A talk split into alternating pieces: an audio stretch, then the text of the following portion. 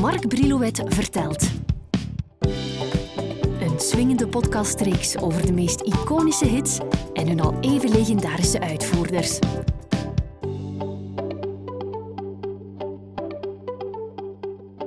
Vandaag krijgen we Willy Sommers nog eens over de vloer en blikken we terug op uh, Smans meer dan rijk gevulde carrière.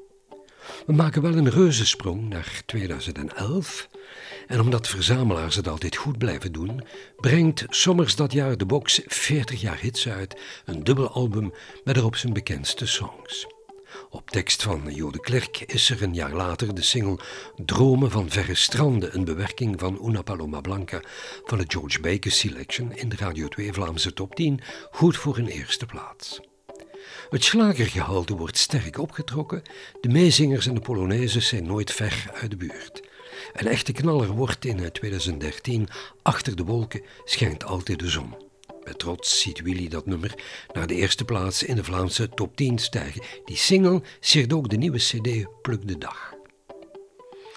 Willy Sommers is anno 2023 populairder dan ooit. Hij, die meer dan tien jaar eerder erover nadacht het wat rustiger aan te gaan doen. Ik neem jou samen met Willy terug naar die periode en we gaan Willy van een wat andere kant leren kennen. Meer gaan luisteren naar hoe hij zich toen voelde en of hij nog wel plannen smeedde. Toen je 60 werd, ging je met je manager aan tafel zitten. En toen zei ik, ik wil het toch een klein beetje rustiger aan doen. En ik denk dat je manager op die idee kwam, weet je wat, een goede truc is, we gaan die prijs wat opjagen. Zo naar de 3000 euro, want je kan dat op site zien. En, maar je agenda staat nog altijd even vol. Ja, uh, dat is eigenlijk een beetje mijn schuld. dus, uh, Ilja is ook iemand die, die nooit iets zal opdringen en die zegt van kijk Willy, je hebt een gezin, je, je wil tijdens de, de schoolvakanties ook eens met je gezin op vakantie gaan en uh, ik, ik, ik versta dat allemaal en je moet dat ook doen, want dat is heel belangrijk. Um, maar ik ben nogal een onrustige man en uh, op vakantie betrap ik me er zelf altijd op van na twee, drie dagen overvalt mij die, die onrust van oh, ik had graag daar op dat podium gestaan en ik kan, ik kan dat nu niet doen omdat ik op vakantie ben.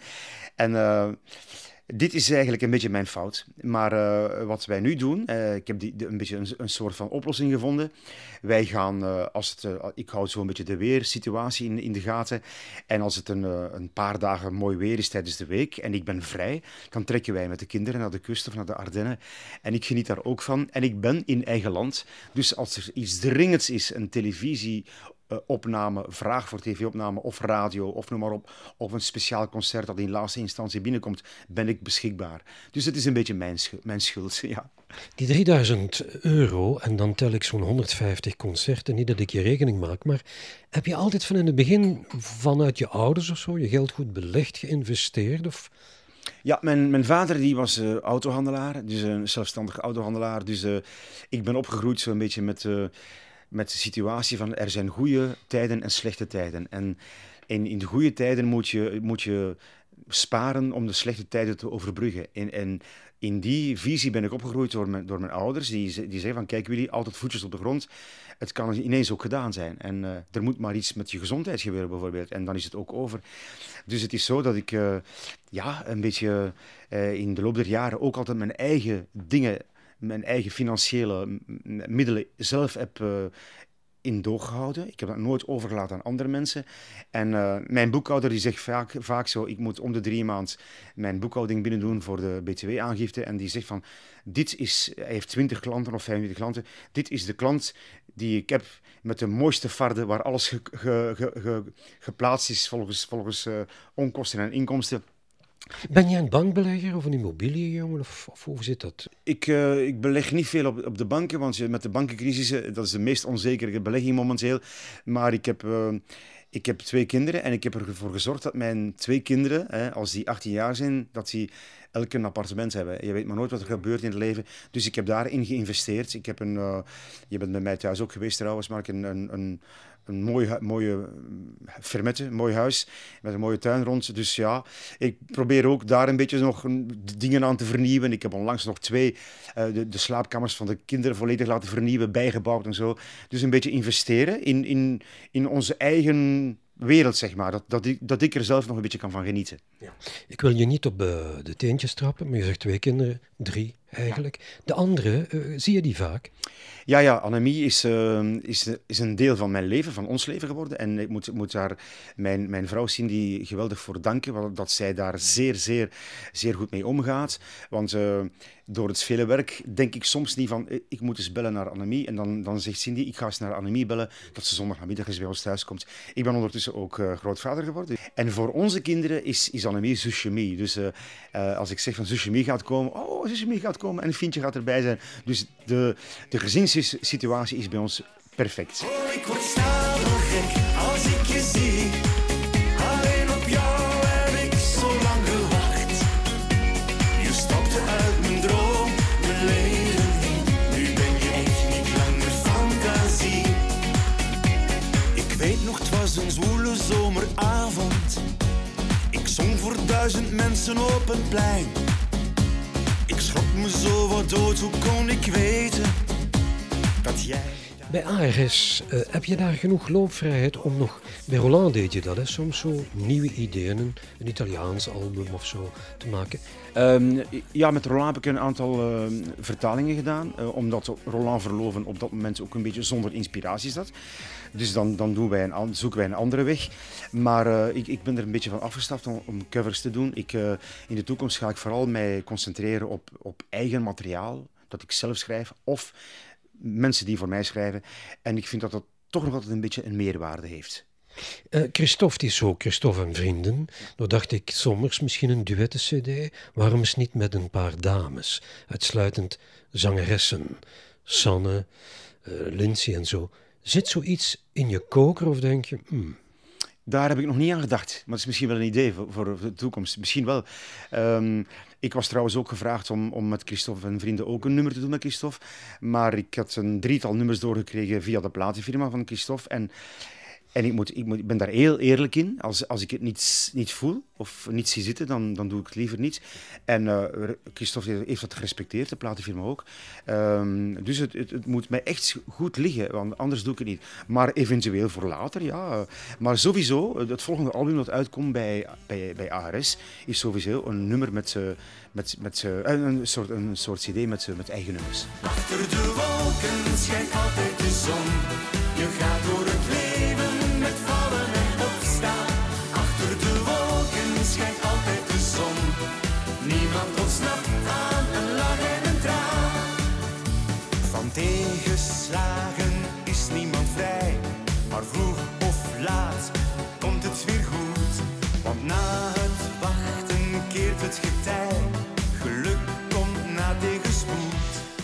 Als je nou de carrière van Sommers overloopt, kan jij eens een profielschets maken van Sommers vanaf het begin van de jaren 70 en een evolutie tot nu. Ja, um, 1971, 7 7 Rozen. Er, er werd een nieuw tieneridool ontdekt in Vlaanderen. Dus dat bestond niet. En bij, bij de plaatfirma Vogue hadden ze toen van het, uh, ja, het profiel van mij een, een soort van tieneridool te maken. En da, dan word je daar door de pers een beetje ingestuurd. Hè. Ik was 18. Um, ik, uh, zag er als jonge man nogal vrij goed uit, blijkbaar. En, en in, in Amerika had je David Cassidy, uh, Donny Osmond. En dat, dat, dat was er niet in Vlaanderen. Je had Wiltura, Jimmy Frey, Marva, maar zo'n een jonge kerel uh, voor, voor de, de, de, de, jonge meisjes, zeg maar, dat was er niet. En, en dat gat in de markt werd perfect opgevuld door, uh, door de platenfirma. En ik had er ook geen probleem mee om mij daarin te, te profileren.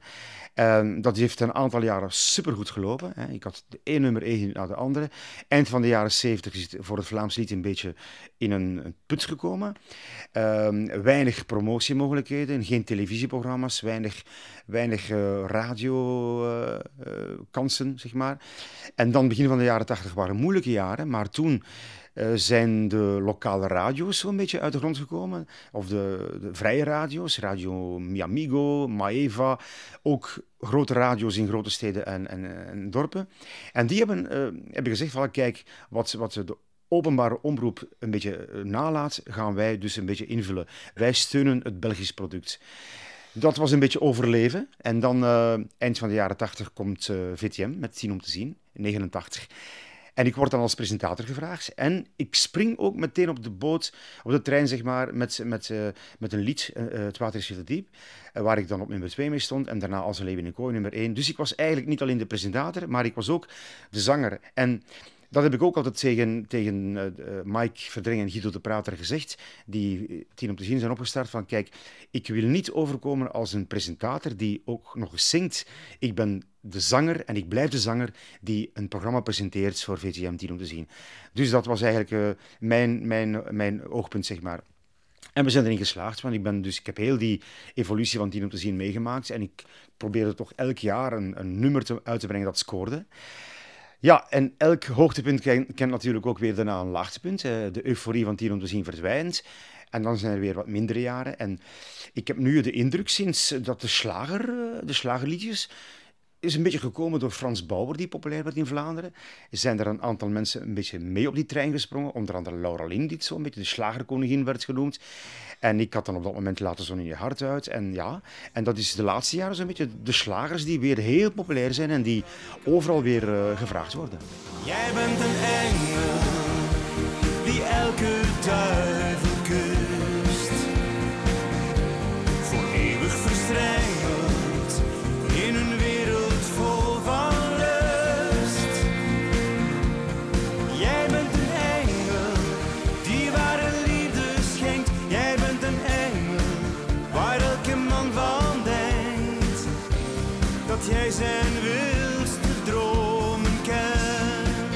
je ook zo'n schets maken van je fans? Oh ja, ik, uh, dat kan ik zeer goed, want ik moet eerlijk zeggen, ik heb een zeer breed publiek. De mensen die, uh, die 40 jaar geleden kwamen, die toen 15, 16 jaar waren, die, die komen nu met hun gezin, met de kinderen, met de kleinkinderen. En wat ik merk, dat er, dat er daar een, uh, af en toe nog eens een, een verjonging bij is. En ik heb een zeer, zeer breed publiek dat gaat van, van, van tieners tot, tot senioren, zeg maar. Hoe hou je het vol? Ik zie anderen die het dan niet volhouden. Het is meer een kwestie van goed zingen en goede liedjes. Ja, um, het is niet alleen, uh, je, je moet als zanger of als zangeres, als artiest, moet je niet alleen je nummers brengen, maar je moet een beetje uh, rekening houden met het publiek, want alles hangt af van het publiek. En uh, ik ben nog iemand, een beetje van de oude stempel misschien, die na elk optreden, na elk concert signeersessies doe. En die duren soms meestal langer dan mijn optreden. Maar als ik het niet doe, dan gaan de mensen misschien wel zeggen van hij is niet meer zoals vroeger. En, en de mensen willen mij nog hebben zoals vroeger. En, en voor, ik hoor dat vaak vertellen van uh, uh, organisatoren ook, waar ik geboekt ben, en die, die, die me zeggen van, voilà, kijk Willy, wat jij hier vandaag gedaan hebt na het optreden, hè, in de zomer ook warm overal, in de feesttenten, hier nog minstens een uur handtekeningen uitdelen, en een, een, een kort babbeltje doen met, met, met, iemand die zich misschien niet goed voelt. En dan moet ik die een schouderklopje geven. En uh, wat ik dan merk, dat die mensen zeggen van kijk, wat jij doet, ja, dat verdient een groot respect. Maar ik, ik, ik kan het mij niet anders voorstellen, want ik, ik ben altijd zo geweest. En dat is, dat is ook gewoon mijn karakter. Uh, ik vind het geweldig, verschrikkelijk erg als ik rap, rap na een optreden de mensen gauw uh, moet, moet goeiedag zeggen, gauw, gauw een foto en naar een ander optreden uh, spurten, daar hou ik niet van. Ik, ik wil mijn werk goed doen en uh, uit respect voor het publiek ook. Tura is de keizer van het Vlaamse lied. Um, heb jij nooit zo van die momenten dat je je vinger opsteekt en zegt, zeg jongens, ik hou het ook al 40 jaar vol, ook veel hits. Oké, hij schrijft veel liedjes zelf, jij schrijft ook soms dingen. Heb je nooit zo'n momenten? Ja, ik heb uh, natuurlijk een geweldige appreciatie voor Wil als, als componist. Hij schrijft ook vaak voor andere mensen. Um, en ik, ik heb altijd eigenlijk zo'n soort van uh, vriendschappelijke relatie met, met uh, Wiltura gehad. En, we zijn altijd concurrenten geweest, dat mag, dat mag ik wel zeggen. Zeker in het begin van mijn carrière. Een, een, een Sommers van was geen Tura van en, en, en, andersom ook. Dus dat was nu eenmaal zo.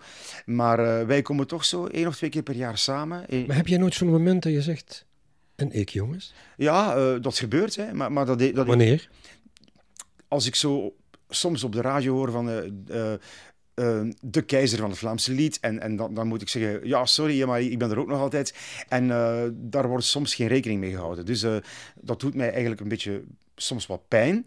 Maar langs de andere kant geeft mij dat de ambitie om te zeggen, ho, ho, ik ga er ook nog altijd tegenaan. Dus dat motiveert mij.